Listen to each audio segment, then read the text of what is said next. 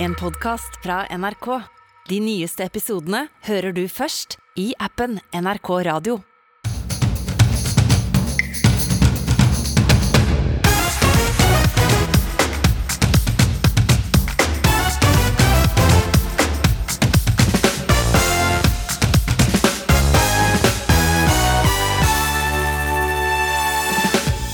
Forsvarsminister Odd Roger Enoksen måtte i forrige uke svare for seg etter et varsel om upassende oppførsel mot en ung kvinne. Da fikk han dette spørsmålet av NRK. Har du opptrådt eh, lignende mot andre damer? Det håper jeg ikke. Eh, det håper jeg ikke, Men jeg er snart 68 år gammel og har levd et langt liv. I dag går han av som statsråd etter et seksuelt forhold med ei ung kvinne.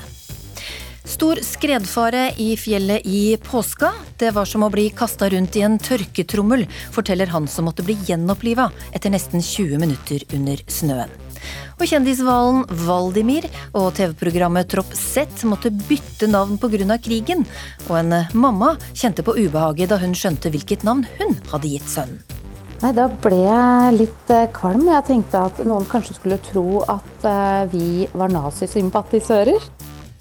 Og vi har hentet inn to skarpe krimhjerner til ukeslutts krimquiz.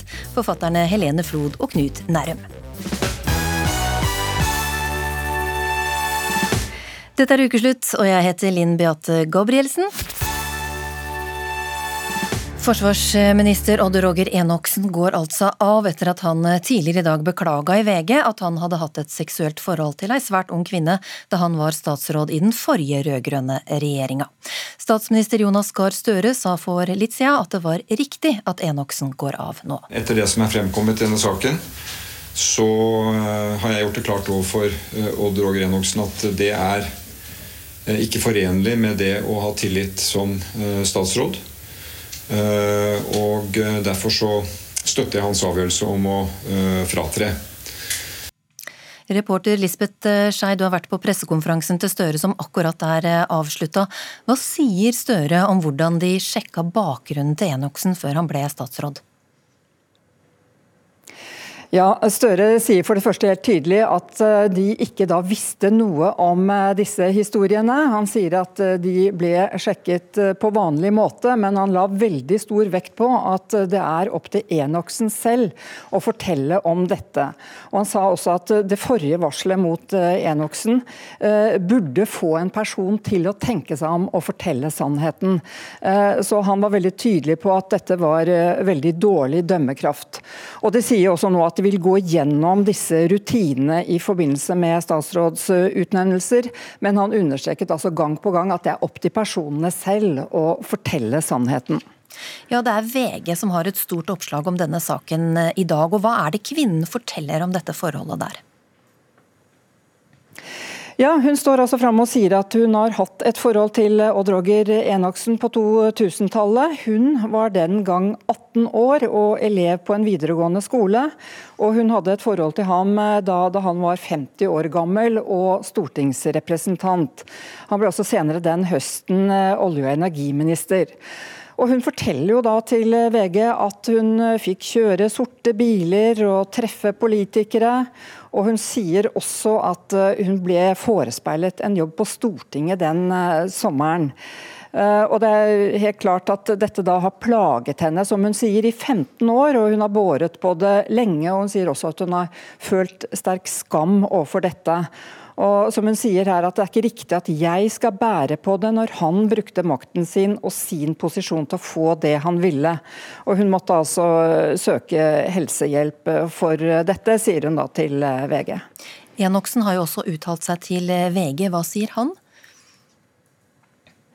Enoksen bekrefter jo dette forholdet, og han uh, sier at uh, altså selv om han var eldre enn henne og stortingsrepresentant og hadde en posisjon, så mener han selv at han aldri hadde noe maktforhold over henne som gjorde at hun da ikke kunne avsluttet og gått når som helst hvis hun følte at det var ubehagelig, sier uh, Enoksen. Som selv mener at han aldri hadde noe pressmiddel mot henne, og, og prøvde aldri å legge noe press på henne heller. Og så sier han jo i dag, etter at det ble kjent at han uh, trakk seg i morgentimen i dag, så sier han jo at uh, han vil beklage overfor alle de som han har såret. Og han sier jo selv også at han har gjort flere dårlige valg og vurderinger. Og, og, gir en uforbeholden unnskyldning her da for at mine handlinger, som han sier, har gjort livet vanskeligere for andre. Takk skal du ha, Lisbeth Skei. Vi har også med oss deg, Lars Nehru Sand, politisk kommentator. Ja, Støre sier altså at Enoksen aldri hadde blitt statsråd hvis Støre hadde visst om dette, og Senterpartiet sier de heller ikke kjente til denne saken før nå. Hva, hva sier dette om eh, den bakgrunnssjekken som eh, gjøres på potensielle statsråder? Det kan være lett å konkludere med at den ikke er god nok. Samtidig så er det riktig som Støre også sier, at man er jo til syvende og sist eh, avhengig av at den personen det gjelder, eh, forteller alt i disse samtalene. Og det er det eh, gode nok muligheter til, sånn som det er i dag. I tillegg til å spørre inngående om økonomiske forhold og personlige forhold, som også da innbefatter seksuelle hendelser, så er det et helt helt åpent spørsmål på slutten om det er noe ved, ved ditt liv holdt jeg på å si, ved, ved, episoder du har opplevd, eh, som vil kunne skape problemer for deg selv og dermed regjeringen. Så det, er, eh, det ville vært fullstendig mulig for Enoksen eh, med det opplegget som er i dag, å fortelle om denne episoden. Nå skal det jo også sies at Enoksen sier til VG at han fortalte til statsministerens kontor før utnevnelsen at han hadde hatt et utroskap, men ikke gikk i detalj om alle aldersforskjell og, og, andre forhold ved denne eh, saken, som jo er eh, ytterst spesielle. Eh, og Man kan jo da spørre seg om et utroskap i seg selv ikke burde vært alvorlig nok til at Støre og, og de rundt han ville tenke at dette kunne skape problemer, fordi noen kunne utnytte den kunnskapen til å i ytterste konsekvens presse regjeringen eller Enoksen for, for informasjon eller avgjørelser. Støre sier det er eh, riktig av Enoksen å gå av, men vi står jo midt i en krig i Europa. Hva betyr et skifte av forsvarsminister nå?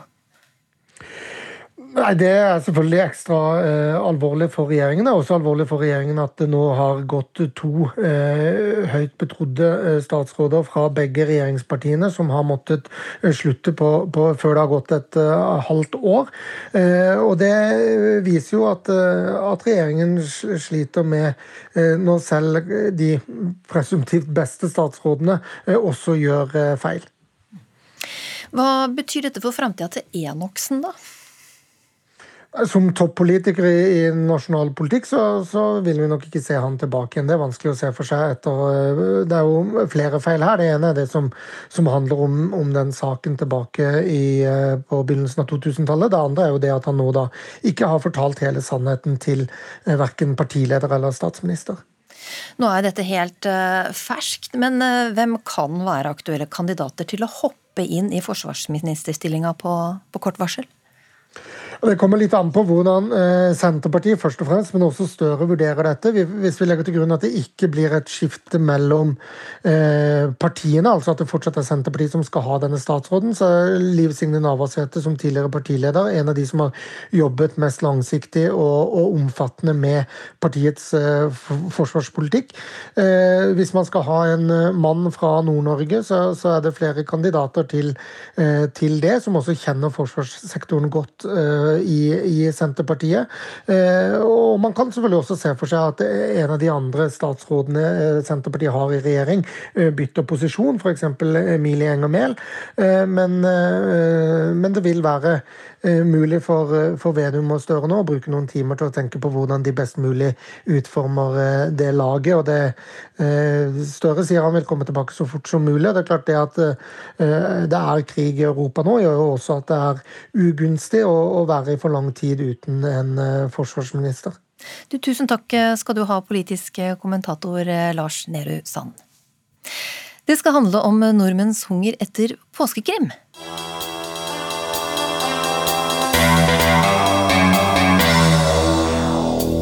Vi skal til Vossajazz hvor det akkurat har skjedd et drap. Eller i hvert fall i boka di, forfatter Randi Fuglhaug. På selveste Palmelørdagen skjer det et mord på en av artistene. Og du er fra Voss, og holdt faktisk åpningstalen i går på det ekte Vossajazz. Hadde du trodd det da du skrev boka 'Tonedød'? Nei, det hadde jeg ikke trodd. Det var en kjempe, kjempestor bonus. Men veldig rart å stå på den samme scenen som eh, mordet skjer. Så er det vel ikke like nervepirrende på det virkelige Vossajazz som i, i, boka di, får vi håpe? Eh, nei, på det virkelige Vossajazz er det bare kjempegod stemning og eh, veldig hyggelig på alle måter. Hva er den beste måten da, å ta livet av noen på Vossajazz, ifølge deg? Uff a meg. Jeg har fælt å sitte og foreslå sånne ting. Nei, altså, Jeg har ikke så mange gode ideer, bortsett fra at jeg sjøl tok i bruk det gode gamle giftmordet. Eh, der eh, denne litt aldrende jazzdivaen som er saksofonist, da fikk noe veldig farlig, et veldig farlig stoff eh, på munnstykket på saksofonen sin. Jeg tror du sitter og det, vifter ja. med et eller annet nå som, som, eh, som skurrer litt. Eh, hold hendene i ro. Ja. Eh, du er sikkert bitte litt nervøs kanskje, siden du straks skal bokbades. Men siden Voss er hjembygda di, har folk vært ekstra sultne på Vossajazz i år? Det virker sånn, altså. Det, er, mm, det har jo vært avlyst nå i to år. Så det var i hvert fall veldig, veldig god stemning ute i går kveld. Og det ble ganske seint. så det er mer det enn at jeg er nervøs. at det ble feil. Men, eh, men eh, eh, hva er det ved Vossajazz som egner seg for et mordplott? Altså, det er jo et eller annet med jazzsjangeren som er litt sånn, syns jeg i hvert fall, litt sånn mystisk. Kanskje, det, kanskje det egentlig ikke reflekterer virkeligheten liksom, i Norge i 2022, men at man ser jo for seg litt sånne dunkle lokale røykfylt eh, stemning og litt sånn mystiske folk. Så det føltes liksom som det passe å putte et, eh, et drapsmysterium inni der. da. Um, og så syns jeg at Voss generelt er, er, veldig kjekt å skrive krim fra. Fordi eh, det er jo en uh, liten plass, men det skjer veldig mye spennende. Og du sitter ikke på Vossajazz nå og tar livet av folk i hodet ditt i et nytt krimplott? Nei, det blir ikke Vossøyas neste gang. Jeg må la Vossøyas være i fred nå. Men det blir Voss? Det blir garantert Voss. Ja. Da håper jeg at eh, lytterne har fulgt eh, veldig godt med på dette intervjuet, for senere i ukeslutt så blir det krimquiz. Og hvem vet, kanskje ligger et av svarene her. Historisk sett er eh, april den måneden med flest dødsfall pga. skred, og torsdag skjedde det tragiske igjen.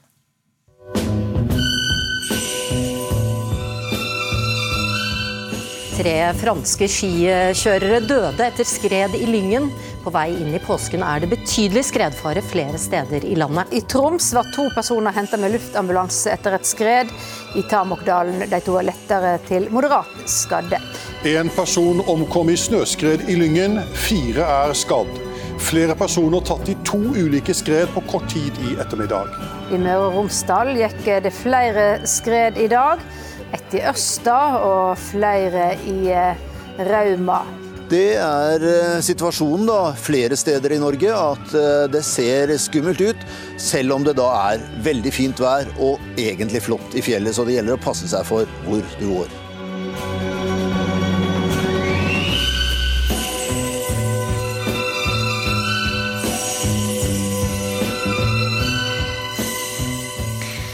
Ekspertene advarer for skred kan utløses selv om man har planlagt turen nøye og tatt alle forholdsregler.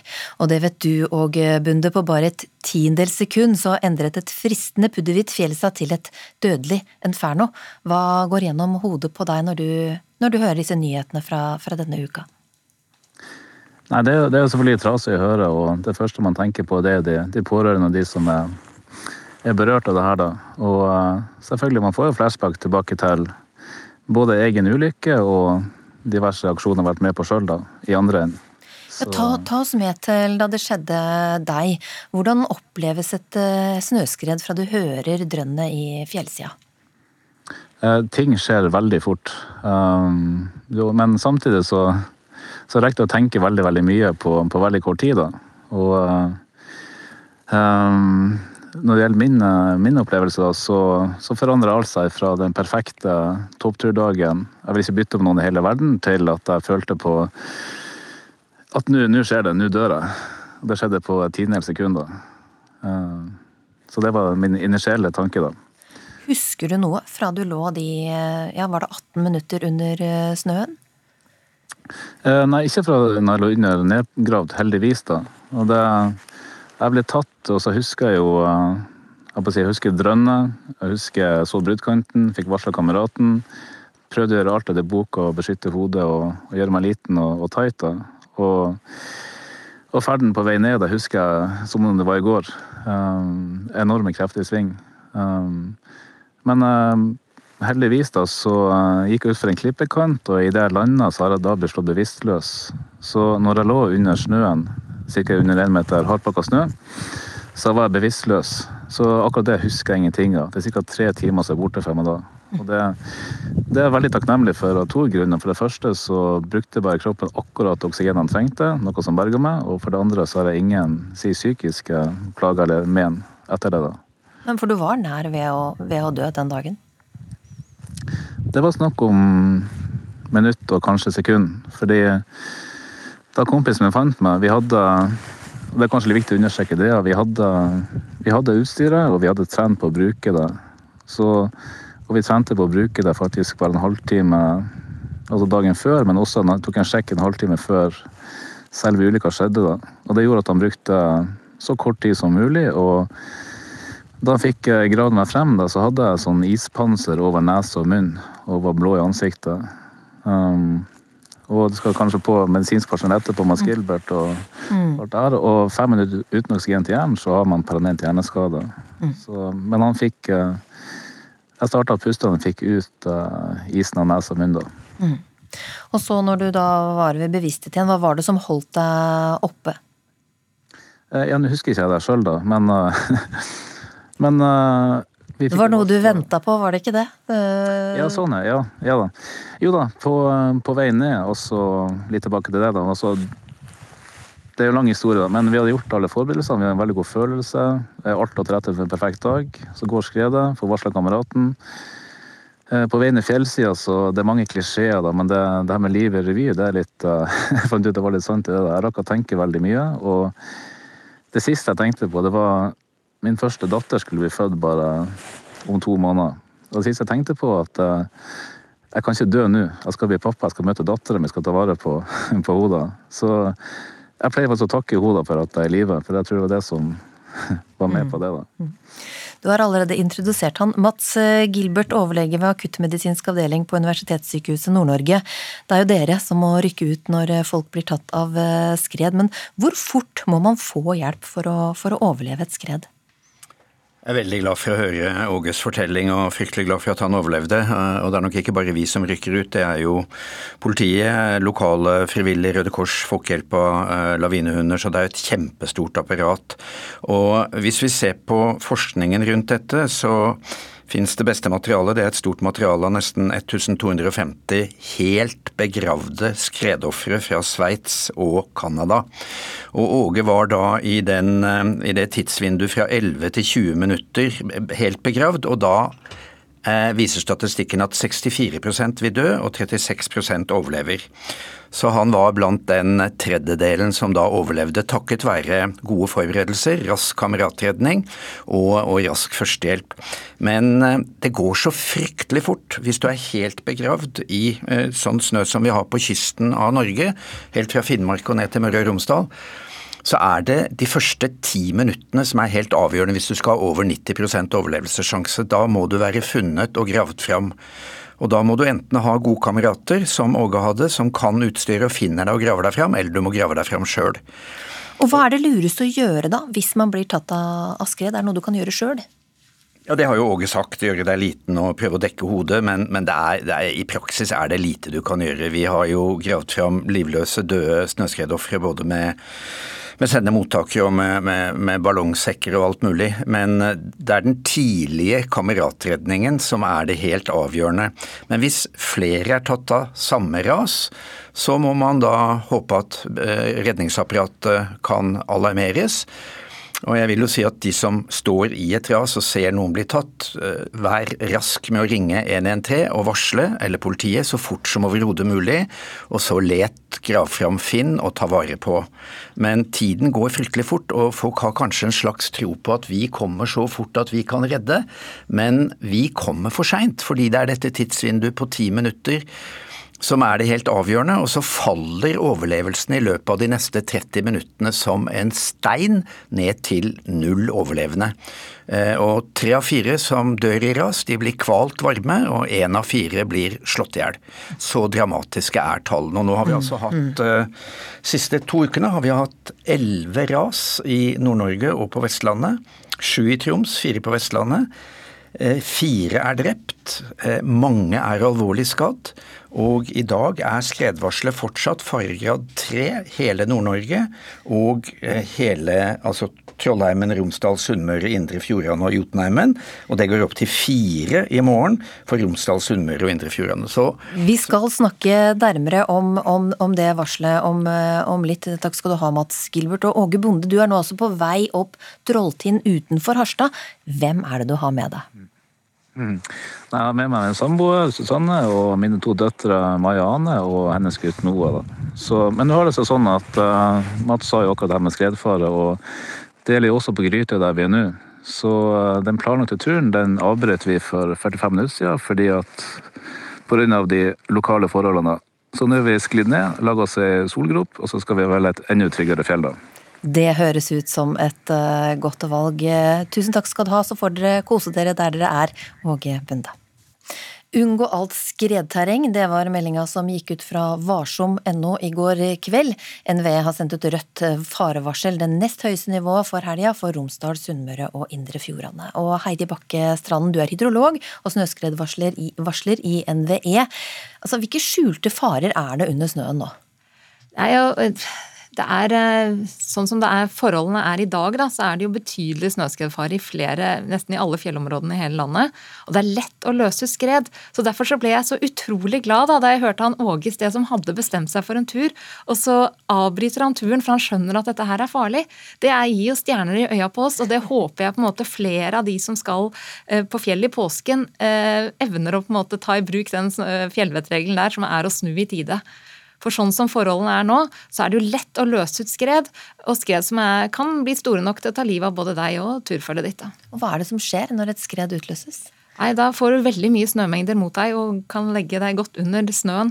Og sånn som det er nå, da, når det er betydelig snøskredfare og stor snøskredfare i, i fjellet i morgen på Nordvestlandet, så er jo den eneste og krystallklare oppfordringen for, fra oss da, i snøskredvarslingen er jo å unngå snøskredterreng helt og holdent. Og Hva er de viktigste forberedelsene man bør gjøre før man legger ut på tur?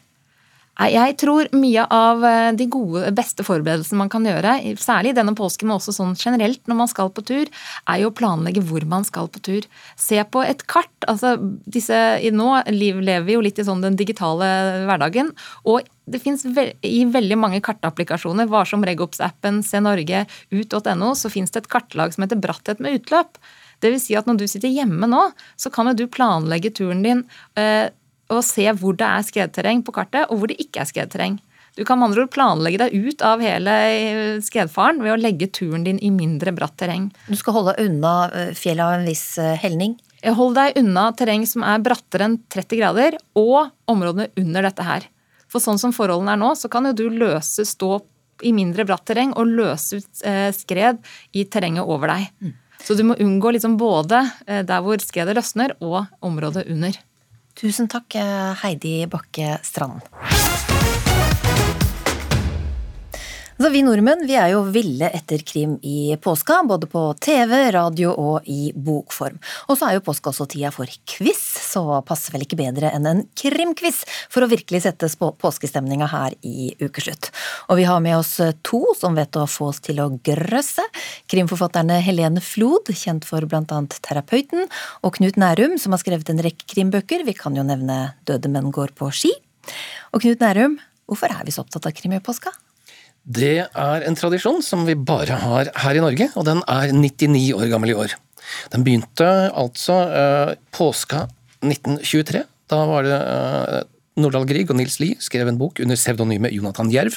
Den het 'Bergenstoget plyndret i natt'. Den ble eh, promotert med kjempeannonser hvor det sto på forsida av alle landets eh, eh, riksaviser 'Bergenstoget plyndret i natt'. Så folk trodde at det var sant, for at det sto annonser med bitte små bokstaver. Folk eh, gikk mann av huset for å kjøpe denne. Den ble usolgt den påska, og da hadde forlagene fått en idé som de har holdt fast ved siden den gang. En kjempeidé som funker som bare det. Helene Flod, du er også mm, voldsforsker og psykolog. Hva er det som får deg til å velge en eh, krimbok når du skal lese? Jeg syns det er veldig viktig med krimbøker at de har det psykologiske på plass, da, selvfølgelig. Eh, så jeg liker eh, en krimbok der jeg, når jeg er ferdig med å lese, skjønner ikke bare hva som har skjedd, men hvorfor. på en måte Hvorfor akkurat disse menneskene endte i akkurat denne situasjonen.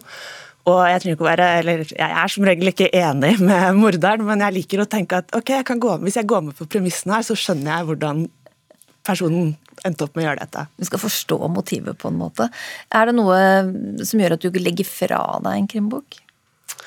Mm, jeg er nok ikke fan av det veldig sånn bestialsk voldelige. Sånn uh, typ torturkjellere der folk er lenket fast. Sånn, da får jeg litt nok. Og Knut Nærum, hva skal til for at du kaster deg over en uh, krim? Jeg må um, tro at uh, det uh, vil være enten veldig spennende eller noe å bryne seg på. Altså gåten i krimmen, den er jeg veldig glad i. Og jeg liker både å løse gåten og å bli lurt. Kanskje aller mest det siste. Sånn, så, sånn som jeg ble av Helenes bok 'Terapeuten'. Gikk fem på. Men dere er her altså for å kvisses i påskekrim. Hvor er det dere står når det gjelder quiz, Knut? Jeg har eh, bedrevet en del uh, litteraturquiz, uh, og jeg har til og med en statuett på, på, på skjenken hjemme. så for meg så er det enormt mye prestisje i dette vi skal gjøre nå. Ja. Og Helene?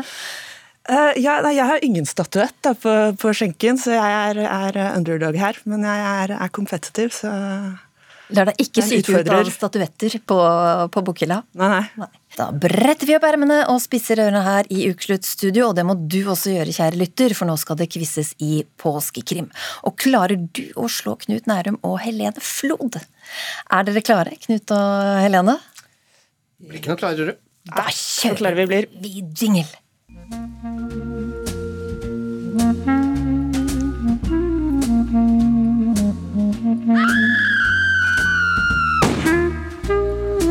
Ukeslutts krimquiz. Og da så gjør vi det sånn at uh, dere sier deres eget navn når dere vet svaret. Skal vi ta en test? Helene. Knut. Yes. Ok, da er vi klare. Første spørsmål. Når gikk den første påskekrimmen på TV? Au. Er det lov å gjette? Absolutt. Svarer jeg feil, uh, går da poenget over til motstander? Ja. ja. ja. Knut. Vær så god. 1978. Det var, det var, fryktelig nærme. Den første påskekrimmen på TV var, kom i 1976 med lord eh, Peter Wimsey. Ja. Da går poenget til Helene, selv om det var veldig nært. Spørsmål nummer to. Tine gjeninnfører påskekrimmen på melkekartongen i år, etter at de i fjor fjernet den, noe som ikke falt i god jord hos melkedrikkerne. Hva het detektiven på melkekartongene? Knut. Helene. Ja, Knut var akkurat litt kjappere. Ulf Ulvheim. Yes. Ett poeng til Knut.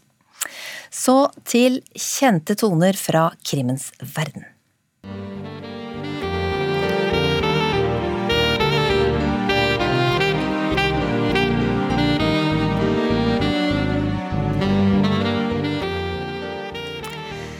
Hun ble verdensberømt med sine krimhelter Hercule Poirot og Miss Marple.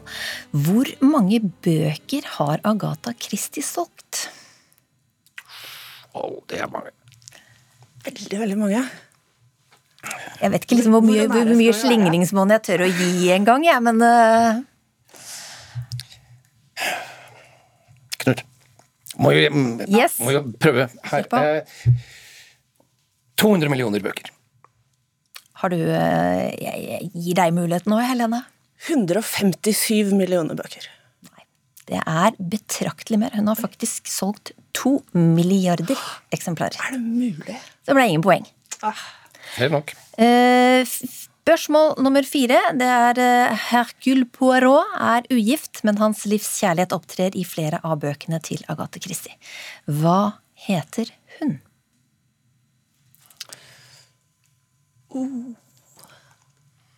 Pass. Grevinne Uh, nei, pass her òg. Grevinne Vera Rossakoff, hvis jeg uttaler det riktig.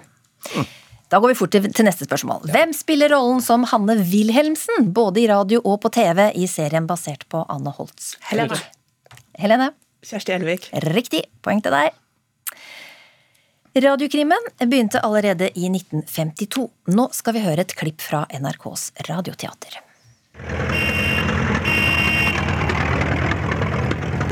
Det de hørte var den herlige millionbyen. Her levde 68 av sitt sensasjonelle liv. De resterende 32% tilbrakte han i Sing Sing, den mest moderne straffanstalt i statene.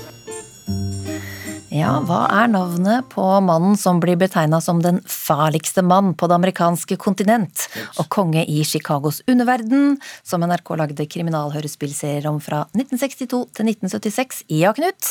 Dickie Dick Dickens. Yes, det er korrekt. Sju, det er Vossajazz denne helga. Hva dør saksofonisten av i Randi Fuglehaugs krimbok Tonedød, som foregår på nettopp Vossajazz? Oh, jeg vet hvor hun dør. Kan jeg få et halvt poeng for det? Har dere ikke hørt godt nok på ukeslutt i dag, dere? Eh, Prøv meg. Knut. Ja. Forgiftning. Det er korrekt. Hun eh, får forgiftet eh, den saksofonflisa. Flisa. Riktig. Åtte. Torsdag fikk Heine Bakkeid årets Riverton-pris, en heder som går til årets beste krimbok. Hva heter boka? Helene. Vær så god. Sankt Avenger. Poeng til deg. Og hva heter krimhelten i boka? Oh. Eh, Knut. Vær så god. Eh, Aske. Husker du fornavnet òg? Jeg tror det er Torkil. Det er helt korrekt! Spørsmål nummer ti. Jo Nesbø har vunnet Riverton-prisen to ganger, annet for den første boka om Harry Hole. Hva heter boka? Helene. Vær så god. Flaggermusmannen. Riktig. Eh, Spørsmål 11. Hvilken kjent detektiv bodde i 221B Baker Street? Sherlock Holmes. Riktig. Og det siste spørsmålet. Svenske Camilla Lekberg har hatt stor suksess verden over med sine krimromaner. I fjor kom hun med en ny bok, Mentalisten, men denne gangen med en medforfatter. Hva heter han?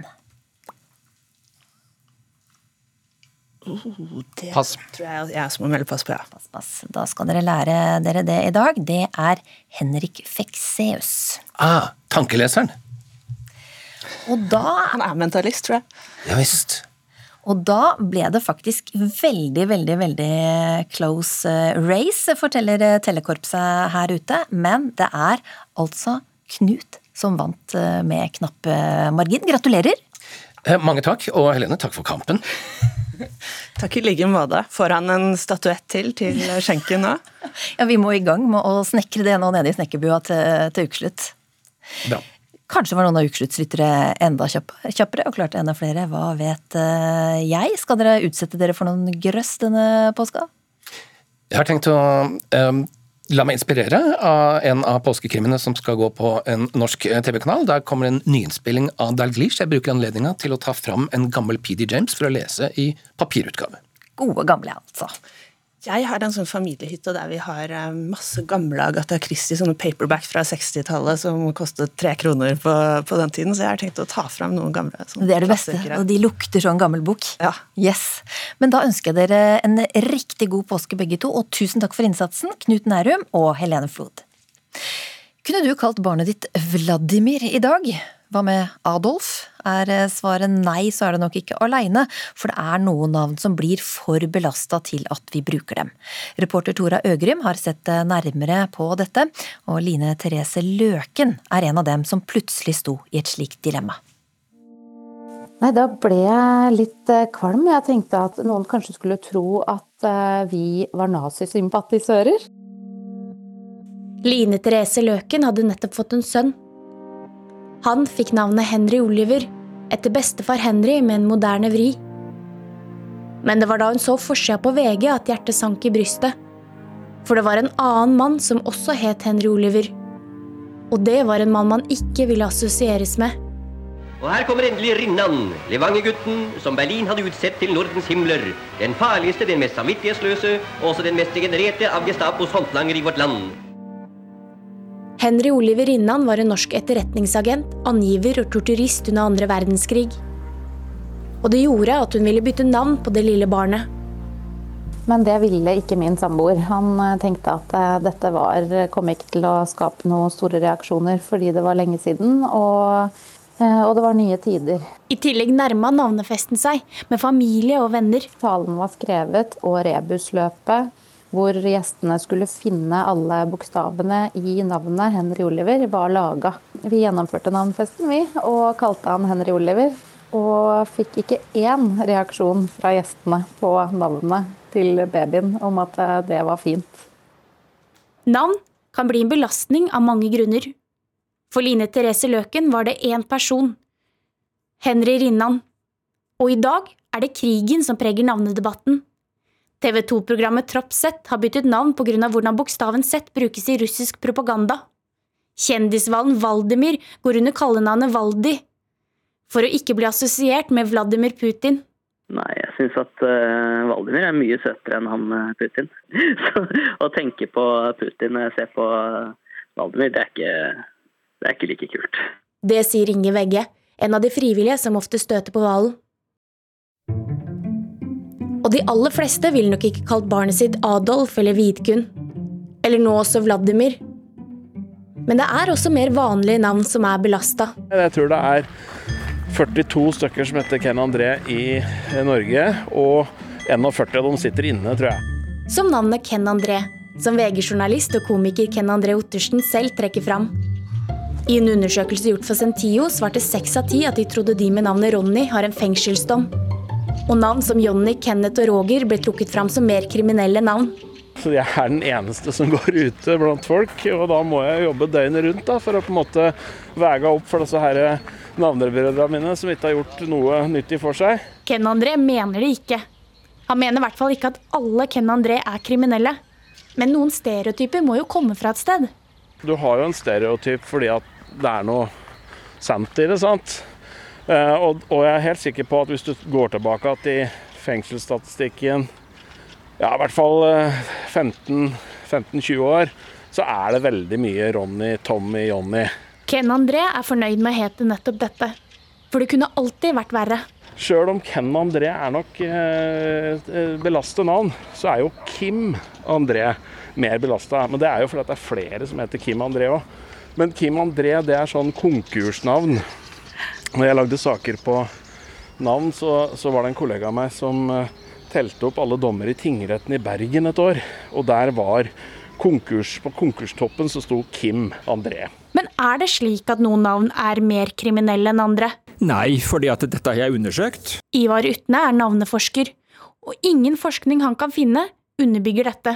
Tre ganger har vi undersøkt 1000 domfelte, tre forskjellige ganger, og sjekka hva slags navn er vanlig blant domfelte og hva slags navn er vanlig blant fødte i samme aldersgrupper. Og da kom ikke Ronny f.eks. ut noe spesielt mer enn andre navn. Da fikk du de navnene som var vanlige i tida, ofte like, like godt som disse navnene som ender på Y. Det kunne like godt vært Kåre og Hans og Jan f.eks. For, for myten om at noen navn er mer kriminelle stemmer ikke, ifølge navneforsker Ivar Utne. Og dette har nok noe å gjøre med at det er jo alle domfelte vi da sjekka. Altså Vi sjekka ikke bare for bare narkoforbrytere eller bare tyver eller sånt noe. Det er jo alle. Hvitsnippforbrytelser, og skattesnytere og allting. ikke sant? Og fyllekjøring og alt kom jo med. Så da slo ikke dette spesielt ut på noen måte. og det, det, det fikk det samme hele veien, og det, var, det overraska jo oss noe. og Til og med politi var veldig overraska over dette òg. Men jeg tror det har noe å gjøre med at uh, visse navn kan være knytta til visse forbrytelser, og andre navn kan være knytta til andre forbrytelser. Men vi må tilbake til navnedåpen. For hva skjedde med lille Henry Oliver? Han skal jo bære det. Skal jo bære dette navnet som vi bestemmer. Etter festen dro Line Therese Løken og samboeren hjem. Samboeren, som tidligere mente det ville gå bra å kalle sønnen Henry Oliver, hadde nå snudd helt. Det var han som uh, tok den siste spikeren i kista, så å si, på det valget der, og sa at eh, han var fysisk dårlig på søndag. At vi hadde tatt et dårlig valg, sånn at han fysisk opplevde det som eh, ubehagelig. Da er det ikke noe annet å gjøre enn å begynne å ringe rundt. Det nye navnet ble Eik Oliver.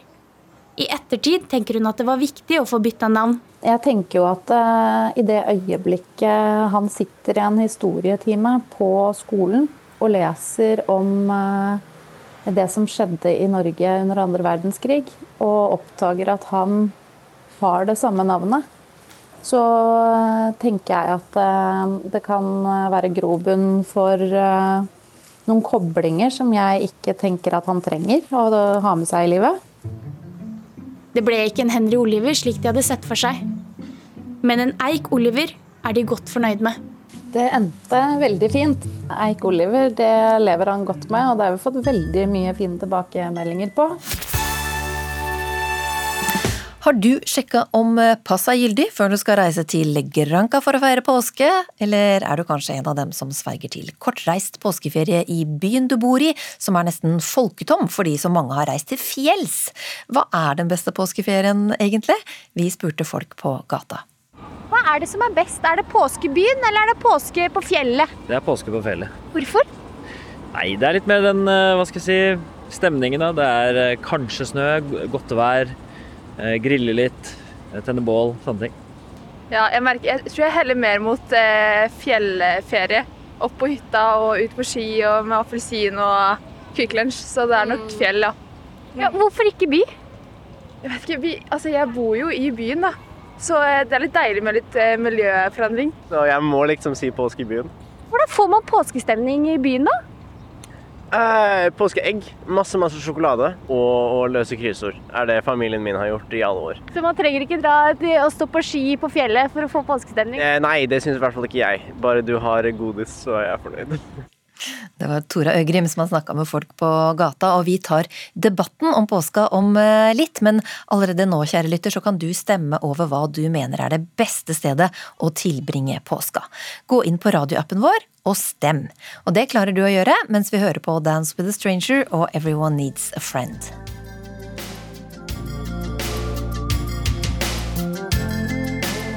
Er du blant de mange tusen nordmenn som akkurat nå sitter i bilen på vei til påskefjellet? Eller er du en av dem som tar livet helt med ro i byen og ikke har tenkt deg noen steder, men bare skal slappe av og ikke har noe behov for å komme deg på fjellet? Anna Sabina Sojo, eh, samfunnsdebattant. Eh, I påskegull genser for anledningen, kanskje. Du er en av dem som liker å tilbringe påska i byen, og er ikke så misunnelig på dem som drar til fjellet. Fortell helt konkret hva som er så deilig med bypåske. For det første så er det deilig fordi at uh, veldig, veldig mange drar på fjellet. Uh, eller de drar hjem. Innflytterne i Oslo drar hjem til der de kommer fra, alt jeg må si. Og da, da, blir det jo tomt, da. Så det er ganske rolig i Oslo. Så bypåske for meg er egentlig å få lov til å være turist i egen by og gjøre de tinga som jeg ikke gjør resten av året. Gå på museum, gå på kunstutstilling. Kanskje dra opp på Ekeberg og se på statuene der, og dra og ta en kaffe etterpå på Ekebergrestauranten. Det er, det er færre folk, rett og slett, sånn at du kan være litt uh, aleine, men få sett de uh, kulturtilbuda som Oslo egentlig har å by på. Høfritt og litt uh, stille, rett og slett?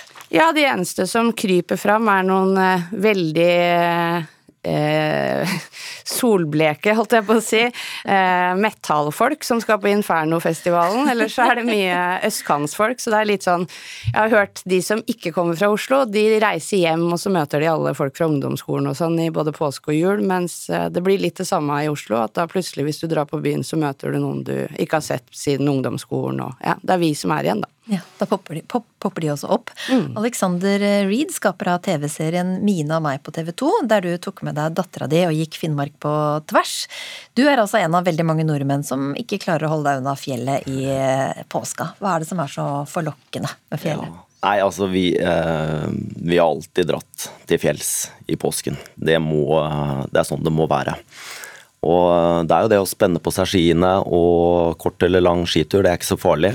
Men eh, få den siste eh, snøen, da, og kunne være ute, leke. Eh, pakke litt sjokolade og forhåpentligvis få det der gode påskeværet. Uh, og det begynner å bli veldig veldig varmere i været. Det er veldig snilt hvis det, hvis det er litt heldig med været, ikke sant. Og eh, nei, bare kose oss i fjellet, altså. Det er eh, helt gull. Så det høres ikke forlokkende ut å ta det, ta det rolig i, byen når det endelig er stille der? Eh, ikke for min del, nei. Eh, da vil jeg heller til fjells. Anna Sabina, nå sa statsminister Støre i går at han syns synd på de som er eh, ensomme og som blir igjen i byen i påska. Hva, hva tenker du om det? Ja, Det visste jeg ikke at han hadde sagt, men det syns jeg er et veldig rart utsagn, for å være helt ærlig. Eh, jeg er eh, ensom, vet jeg. vet jeg ikke noe om å være i by, men eh, det er vel kanskje det som er fint da, med byer. At om du, om du har lite nettverk, så kan du allikevel gå og sette deg sammen med mange andre og være blant folk. For meg så har det vært sånn, jeg var en gang i Bergen på en slags bypåske der, og så skulle jeg kjøre hjem derfra. Og så stoppa vi et eller annet sted på Hardangervidda, eh, og der var det altså så massivt med folk at jeg sto liksom i en sånn rosa fuskepels og følte meg som eh, veldig fremmedgjort, der alle andre hadde fått memoet med Swix-luer og anorakker som de skulle ha på seg. Så tenkte jeg ok, jeg har hørt at dere drar til fjellet for å ha det rolig, men her er det i hvert fall full, full køgang med Swix og Kvikk Lunsj og i det hele tatt, så ja, Hva sier du til det, Aleksander? Trangt på fjellet? Ja, det er uh, ikke sant. Uh, eller det vil si, hvis du går til noen sånne steder, så er det klart at da vil det kunne være trengsel. Men uh, det er rikelig med plass, så hvis du ønsker å finne ro i fjellet, så kan man definitivt finne det. Vi skal jo opp nå i påsken. Jeg har en hytte på Vestre Slidre, og skal da bare surre og gå. Og da er det ikke veldig mye trøkk i de løypene, men ønsker vi da også å gå vekk fra de løypene, noe vi veldig ofte gjør, og lage en liten solgrop og ake og bare være, så er vi veldig, veldig alene, hvis vi vil det. Men eh, altså, god plass på museer og på trikken og det, det høres jo ut som det er i byen det er ro, da? Mm -hmm. Eh, ja. Eh, altså, vi er jo forskjellige, da, vi mennesker, og det er jo veldig fint. Eh, vi bor jo midt inne i, innerst inne i Maridalen, ikke sant? i et lite sånn lafta hus med svartvannstank og brønn. Så når vi av og til tar turen ned til byen sånn som i dag, da, så er jo det uvant. Altså, Mina kommenterer gjerne at det er så mye støy fra trikken, og det er så mye inntrykk. Da, og jeg kjenner på det samme at det er uvant med så mye så, så, det er jo litt hva man er vant til og unektelig og eksponert for i hverdagen. Så ja. Men eh, for vår del så, så er det hardt og støyete, eh, først og fremst. Og du, du er jo halvt uh, italiensk. Hvordan syns du nordmenn flest framstår i påska? Nei, jeg observerer jo at man eh, Det finnes noen normer, i hvert fall i sosiale medier, på hva man skal gjøre, og hvilke bilder som skal legges ut. Innimellom har jeg tenkt sånn hvor mange eh, bilder av lykkelige Altså lykkelige familiebilder av ulykkelige familier kan man egentlig legge ut? Det virker som om eh, det er et At man har lyst til å posere, da, med egen fjellykke. Eh, så er det jo noen av oss som ikke har eh, drevet og gått så mye på tur. Eh, og det er heller ikke et savn, kanskje, for det man aldri har gjort, har jeg heller ikke noe forhold til. Så for meg er det helt vanlig at vi driver i byen, er på museer og drikker en øl i sola. og Det er min hva heter det, solveggen. det er jo fint, da. ikke sant? Altså, vi, vi, har jo Vi er jo vant til forskjellige ting også, ikke sant. Altså, jeg er jo oppvokst med å gå i fjellet fra jeg var bitte liten, og være ute og holde på. Så det er det jeg eh, er vant med. Eh, og det er klart det at da er det jo eh, eh ja, da blir det jo fort at jeg tar med meg det videre, da. Det, ja. mm. Men er dere litt nysgjerrig nå på hva Ukeslutts lyttere mener og har eh, planer om? Vi har nemlig spurt dem i radioappen, og nå er det stemmende talt, resultatet klart. 38% av lytterne sier at hytta er stedet å være i påska, mens hele 51% mener fjellet er oppskrytt og sverger til bypåske. Og du, vinner! du vinner! Jeg sa det før vi gikk inn her. Altså, du kom med den der gule på Dette her, Jeg skjønte- at jeg ikke hadde sjans, ikke sant? Dæsken dødt, Ja, det visste altså. jeg ikke. Ja, ja. Du, kanskje ikke du blir så aleine i byen i år? Det er I så fall en uh, trist skue. Men det kan jo hende at folk har Jeg er jo i Oslo bypåske, sånn at det kan hende de skal feire bypåsker i Trondheim og Bergen og den slags også. Får håpe det blir litt spredning. Så kan jeg også nevne at 11% er faktisk på vei til eh, utlandet. Og da ønsker Ukeslutt god påske, uansett hvor dere velger å tilbringe den. God påske. Det er mer ukeslutt eh, igjen, bare hør her. Vi må kutte barnas sommerferie, for feriepappkabalen går ikke opp, mener firebarnsmor fra Høyre. Nei, elevene trenger en skikkelig avkobling om sommeren, svarer Arbeiderpartiet.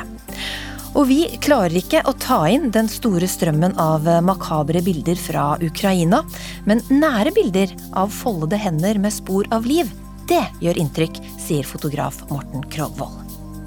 Denne uka har du kanskje stoppet opp i scrollinga på mobilen når du har sett noen av de mange sterke bildene som kommer fra Ukraina nå.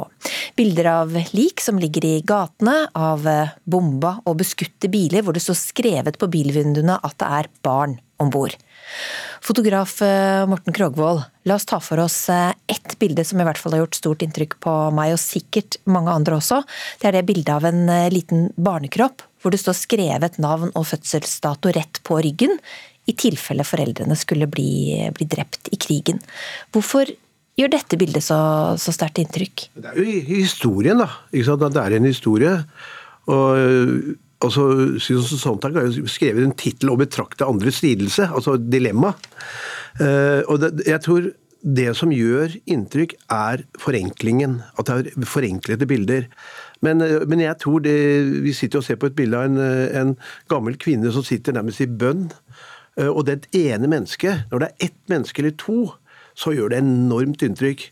Men det må ikke bli overload, tenker jeg. Hvis det blir for mange av det gjennom måneder, så tror jeg vi kanskje etter hvert blir immun, litt immune. Det er, det er bare redd for det, men fotografiet har jo en veldig viktig plass i denne fortellingen. Kristin Odemeyer, du er direktør for barns rettigheter og bærekraft i Unicef. Hvis du skal nevne ett bilde, eh, hvilket vil du trekke fram som har gjort inntrykk på deg i denne krigen? Jeg tror et av de bildene som har gjort sterkest inntrykk på meg, så jeg faktisk på Instagram. En av NRK sine journalister som posta det på en story der, hvor det var biler som var helt smadra, men som var tydelig merket med at det var barn i bilen. Eh, ikke noen mennesker på bildet, men i sin enkelhet så gjorde det allikevel veldig sterkt inntrykk, må jeg si. Og så i tillegg bildet av denne døde dama med de veldig velstelte neglene og det lille hjertet på den ene neglen. Det er også et bilde som har eh, brent seg fast. Ja, for Da er det et spor etter det, altså nettopp velstente neglene. er det spor av liv. Ja. Ikke sant? At det ikke er bare håper, men hun har akkurat levd. Hun har akkurat Nettopp, levd, det ja. det. Mhm. Hvor mye ser dere av dette, da? Disse, altså den merkingen av biler med barn, eh, rygger eh, med tusjede navn på? Ja, dette er virkeligheten de lever i i Ukraina nå. Og, og dette reflekterer veldig godt det vi også får rapporter om fra våre folk som jobber på bakken i Ukraina i øyeblikket, at det er en desperasjon. Eh, Foreldre er villige til å gjøre hva som helst for å trygge barna sine og seg selv i denne situasjonen. Og vi vet jo at mange millioner er på flukt, og at det blir vanskeligere og vanskeligere å finne trygge steder. Så det bildet med skrifta på ryggen til barnet, det er jo uttrykk for eh, virkeligheten. Eh, og det er viktig at vi tar inn over oss at eh, dette lever de med nå.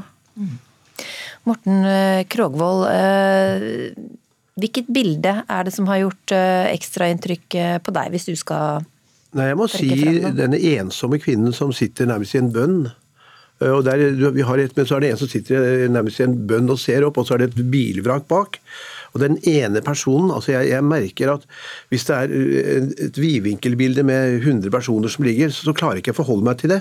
Men når det er akkurat så velstedte negler, altså, når det er det ene mennesket som sitter helt totalt i sjokk og vantro eh, altså, Da tenker jeg at hun kunne jo være min avdøde mor, hun kunne være en bestemor. Det er liksom, jeg synes Forenklingen, eh, da representerer det meg. Mens hvis det blir for mange ja, Hvis du sier at det, dør 30 000 barn i uka i verden, eller noe sånt, så sier de ingenting. Men hvis du snakker om det ene? Og Det er der jeg tror at pressen har en mulighet, etter hvert som denne krigen øh, kjører frem, at man fjerner, ikke har for mange bilder, men prøver å få de der enkle storyene hvis de ønsker å gripe oss. da. Oddmeier, eh, hva, hva er deres største frykt for hva som skal skje med disse barna som vi ser på disse bildene av barn på flukt? Altså, den aller største frykten er selvfølgelig at eh, mange barn skal dø i denne krigen. Foreløpig så vet vi jo ikke det eksakte antallet, det er vanskelig å måle og det er mange variasjoner av disse tallene, men det er klart det er, eh, er vår største frykt, er at mange liv skal gå tapt, eh, også blant barn. Men det er klart i denne situasjonen hvor så enormt mange mennesker rører på seg samtidig og er på flukt, så er det også perfekte forhold for mennesker med dårlige intensjoner eh, til å komme i kontakt med barn. Både å kidnappe de og, og ta de med seg, eh, selge de videre eller selv utnytte barna. Og Dette ser man etter krig etter krig at dette skjer. Og i den ekstreme situasjonen vi er i nå, så vet vi, og får allerede rapporter om, at det er stor aktivitet bl.a. i pedofile miljøer med tanke på å hente barn ut av Ukraina. og Det er vi veldig bekymra for. Og det er en utholdelig tanke at dette skjer samtidig. Mm. Eh, Morten eh, Krogvold, eh, hva Alle disse bildene Vi har sett veldig mange bilder av lik i, i gatene. Hva gjør det med oss? Ja, så Først så blir man jo bare, bare helt maktesløs. Eh, Jeg er bare redd for at vi etter hvert kan bli litt mer immune og bare bla forbi og se på sportssiden isteden. Men eh, fredagens VG så var det et veldig sterkt bilde av en, eh, et, et dødt menneske med en nydelig teppe over og en, et menneskes sorg og noen biler bak. Og det er så godt formet, for det er, vi må, det er form vi snakker om her også for å nå fram. altså Det må være godt gjort. Og Der har VG slått det opp på halvannen side, og da virker det ekstremt sterkt. Men ikke hvis det er seks bilder på samme side, eller hvis det er sånne småbilder. Og Vi må huske på at vi scroller på mobilen. Det er veldig lite format. og Derfor trengs det enkle storyer for å nå oss, tror jeg. Og så har det jo i eh, historien vært bilder som har gjort en forskjell i krig, som i Vietnam f.eks. Hvordan da? Jo, det, det var jo det Napal-barnet, og også eh, dette, eh, denne kvinnen som går frem til soldatene i en demonstrasjon eh, i USA med geværmunninger og gir dem blomster. Og Det ble jo trykket på T-skjorter, og der hadde fotografiet og unge mennesker og rockemusikerne en så stor påvirkning at de klarte faktisk å få Johnson til å se at dette holder ikke. Og der var fotografiet, musikken og ungdommen helt avgjørende i dette, faktisk. Eh, Kristin Odmaier, eh, hva betyr eh, bilder i deres arbeide? arbeid? Bilder er et veldig viktig virkemiddel eh, i vårt arbeid for å vise både behovene, nøden, situasjonen. eh, For å få folk til å forstå at de kan bidra, og med hva de kan bidra. Og Det er også viktig for oss selvfølgelig å dokumentere at den hjelpen eh, som vi gir, den når frem. Så på den måten er også bilder viktig for oss, for å trygge folk på at det går an å gjøre noe. At det er viktig å støtte store organisasjoner nå, sånn at folk får hjelp i tide, rett og slett. Så vi bruker det på mange nivåer i vårt arbeid. Da vil jeg tro også at det er eh, den enkle historien og enkelthistoriene som er det eh, som er et godt verktøy for dere også. Det er det. Si kort at det, at det kommer frem, det er viktig. For jeg har fotografert i to TV-aksjoner og sett at det hjelper. Og så ser jeg, hører jeg folk ute i gata, det blir bare tatt i lomma til noen korrupte. Og så vet jeg, for det er enkelthistorier, jo, det hjelper. Tusen takk skal dere ha for at dere var med her i Ukeslutt, Morten Krogvold og Kristin Odmaier. Takk. La oss glemme påskeferien for et øyeblikk. Sommer, bølgeskvulp og late dager på stranda eller hytta høres det ikke deilig ut. Men så kommer du på sommerferieknipa. For hvor skal barna være de fire uke, ukene foreldrene ikke har ferie? Nå er det flere som sier ferien bør bli kortere, og en av dem er deg, firebarnsmor Margaret Hagerup, ja, og utdanningspolitisk talsperson i Høyre også, da. Beskriv hvordan dere i deres familie kjenner på dette stresset med å få kabalen til å gå opp. Ja, Hvis jeg skal beskrive det, så må jeg nok gå en del år tilbake i tid. For dette her begynte jo når uh, ungene var ferdige med barnehagealder og begynte på skolen, første, andre, tredje klasse. Da har du jo uh, først vinterferie, og du har høstferie, du har påskedager, juledager og sommerferie. Uh, og når jeg reiste til Oslo og begynte å pendle, så var det jo min mann som tok seg av vinterferien f.eks. Da har han spist av sine fem ferieuker. Og når vi kommer til sommeren, så har du åtte uker du skal prøve å organisere at det hele tida er noen som er sammen med ungene. Så det har jo endt opp eh, ganske mange år faktisk med at vi har hatt ei eller to uker sammen som familie, mens resten av eh, ferien har vært at en av oss er i arbeid, og at vi har ettermiddagene sammen. Mm. Ehm, du slår et slag i VG for eh, kortere sommerferie. Hvor, eh, hvor, kort er eh, kort nok, tenker du? Ja, altså jeg, I VG så var jeg tydelig på at jeg mente vi skulle snakke om en kortere sommerferie. Men det er jo for at etter jeg kom i utdanningskomiteen, så var det en ting som jeg ikke var klar over. det er jo at Forskning er jo ganske tydelig på at en lang sommerferie forsterker sosiale forskjeller. Både med tanke på at eh, en del unger ikke får gode sommerskoletilbud, de blir ikke lest for i ferien, de får ikke være med på ferie som gir dem en type læring. Altså De går nesten litt sånn eh, og gamer og er ute og henger. Og når jeg eh, ble klar over det, så tenkte jeg at det er jo virkelig en grunn. En ting er mine ilandsproblemer med å få kabalen til å gå opp, men hvis det faktisk gjør at det blir større sosiale forskjeller mellom elever, Utdannings... Men, men, er det sånn som i Sverige f.eks.? Seks uker? Er det, hadde Dan det hjulpet? Danmark og Tyskland har eh, seks uker, men det som jeg mener er jo at vi må sette oss ned og se på det. For eh, Utdanningssenteret ved Universitetet i Stavanger har jo funnet at forskjell på både én måneds undervisning og tre måneders undervisning for ordinære og elever med utfordringer. Og Da har vi elever i norsk skole i dag som starter ulikt på startstreken i august. Og en siste ting som er litt morsom Ja, men Den kan vi ta ja. etter hvert. Vi har også med oss Øystein Mathisen. Du sitter også i utdanningskomiteen på Stortinget, men for Arbeiderpartiet. Du syns sommerferien er eh, passe lang nå. Hvorfor det? Jeg tror ungene har veldig behov for en ordentlig avkobling og gjøre noe annet. Vi har, ganske, vi har, mye skole, både for eh, de små og de litt eldre på skolen. Eh, og jeg tror den, det sommeren kan være med en avkobling, tenk gjøre noe helt annet, eh, er veldig bra. Og så har jeg forståelse for den utfordringa som noen familier har med å få den familiekabalen til å gå opp. Men dette forslaget er fryktelig dyrt. Jeg tror for mange unger så ikke dette, kommer ikke dette til å gjøre sommerferien deres noe bedre heller. Eh, og hvis vi virkelig skal prioritere det viktigste, så vil ikke jeg ha brukt så mye penger som Høyre her foreslår på dette. Da vil jeg brukt det på flere lærere, brukt, brukt det på kompetanse i skolen, bedre utstyr, mer praktisk læring og å styrke laget rundt elevene. Så dette her er langt nede egentlig på prioriteringslista, både som forskere, når de snakker til oss hvordan gjør vi kvaliteten i norsk skole bedre. Så dette er langt nede på lista av hva som burde gjøres. Men Hagerup, eh, læring og sommer, altså, hva har dette med sommerferien å gjøre? At man eh, Nei, blir dårligere å lære? Det er jo der jeg mener at Arbeiderpartiet burde vært med på en, eh, en kunnskapsbasert debatt på dette. her, forklart det. Der finnes ikke forskning i dag på hva den lange sommerferien gjør for ungene. Det finnes forskning fra utlandet som viser at det kan være store forskjeller i læringen som elevene får. I tillegg så starter jo ferien ofte en eller to uker før denne sommerferien, så det blir et ganske langt avbrekk. Og Jeg var i debatt med Utdanningsforbundet for noen år siden om høstferien. og Da sa hun i Utdanningsforbundet at den høstferien er viktig for elevene. Og Det kan godt være, men da må vi snakke også om sommerferien, for vi vet ikke disse tingene. Og Jeg er veldig tydelig på at elevene har godt av sommerferie, det har vi alle. Ja, hvorfor, Men, ikke, hvorfor ikke spre det litt eh, utover, Mathisen? Vi kunne jo tatt, eh, tatt noen uker fra sommerferien og putta litt mer på høstferien, vinterferien. Og Det kan kommunene, kommunene kan legge opp skoleruta si sjøl, det kan de diskutere i de kommunene og gjøre. Eh, og Det er nå en helt annen debatt. Eh, også det å kutte ned eh, ferien sånn som det opprinnelige forslaget var ikke om noe å reorganisere, det er en helt annen debatt rett og slett, som, som ligger der.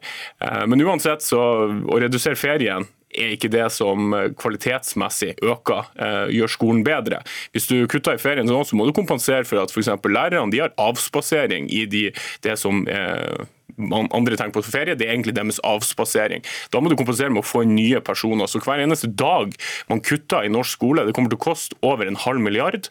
Det er en halv milliard man kunne brukt på masse masse annet som hadde heva kompetansen. Og Jeg vil heller for, eksempel på for å løse denne familiefloka, den kabalen, vil jeg heller satse på mer eh, og bedre kvalitet i SFO. Billigere, gratis for flere. Det er noe som denne regjeringa gjør. Nå blir det gratis SFO for de yngste. Det er et mye bedre tilbud for å kunne løse dette her, enn å skulle kutte i Hagerup? Nei, men jeg synes jo at Arbeiderpartiet sporer av debatten både om å snakke med, om økonomi og lærere og ferie. For det jeg egentlig ber regjeringen om å være med på, og egentlig alle partiene, er jo å ta en diskusjon om hvilke konsekvenser har lengden på sommerferien for elevene. Hvordan er dette årshjulet med de ferieperiodene vi har? For vi vet at i dag er det elever som stiller dårligere på startstegen når august kommer. Lærere og rektorer sier jo òg det at i august så merker vi at det er store forskjeller på elevene som kommer tilbake. Skal vi da sette oss ned og få kunnskap om dette her, eller skal vi bare avfeie det og si at det er ingen god idé? Ja, Øystein Mathisen, hvorfor ikke finne ut da om dette her, eh, hvor stort dette problemet faktisk er? Ja, og det har Vi har sett på forskninga sånn som Margrethe eh, snakker om, men når Arbeiderpartiet lagde sitt program, så snakker vi med forskere, vi snakker med lærere, vi snakker med utdanningsinstitusjoner, vi snakker med foreldre, vi snakker med elevene også. Og Da fikk vi noen tydelige tilbakemeldinger på at disse er de største utfordringene i norsk skole. De må løses, og det må skje fort. Og det, Ingen av dette dro opp dette som et viktig tema. Ingen ropte på at dette Og det skjedde ikke heller i Høyre, for Høyre har heller ikke inne dette i sitt program. Så det ble ikke prioritert som det viktigste. Og når vi vet hvor mye det koster det forslaget, hvor mange milliarder man skal bruke på det, så vil jeg mye heller bruke det på mer kompetanse til lærerne, flere lærere, bedre utstyr og styrke laget rundt eleven. Det er det som gjør norsk skole bedre. Det er det som gjør at hver elev møtes med en bedre skole og høyner kvaliteten. Og Før var Høyre opptatt av å snakke om kvalitet i skole. Jeg vet ikke hva de gjør nå. For dette er et kvantitetsforslag, ikke et kvalitetsforslag. Margit Hagerup, du har altså fire barn. Hvor fornøyd er de med at mor eh, foreslår eh, kortere sommerferie? Nei, de syns jo ikke det er så veldig gøy, selvfølgelig. De syns jo det er veldig godt med ferie. Men eh, jeg mener at denne debatten må vi ta. og det, vi, har, vi, vet ikke prisen på dette forslaget, for det er ikke utredet. Det er jo det jeg ber om. Men kostnaden ved utenforskap i dag med unger som faller ifra fra skolen, unge uføre i aldersgruppa 20-29 år, det er ting som bekymrer meg. Og Hvis vi kan få mer kunnskap om dette her for å ta kunnskapsbaserte valg, så syns jeg at vi skal ta den diskusjonen. Margaret Hagerup og Øystein Mathisen, da er i hvert fall debatten om sommerferien i gang. Og det før påskeferien er ordentlig i gang. Robbie Williams og Let Me Entertain You ble siste pip fra ukeslutt, men det er heldigvis mye igjen av både lørdagen og påska, og glem oss for all del ikke på påskeaften. Ansvarlig for denne sendinga, Helga Thunheim. Teknisk ansvarlig, Helje Svensson. Og i studio, Linn Beate Gabrielsen. Du har hørt en podkast fra NRK. De nyeste episodene hører du først i appen NRK Radio.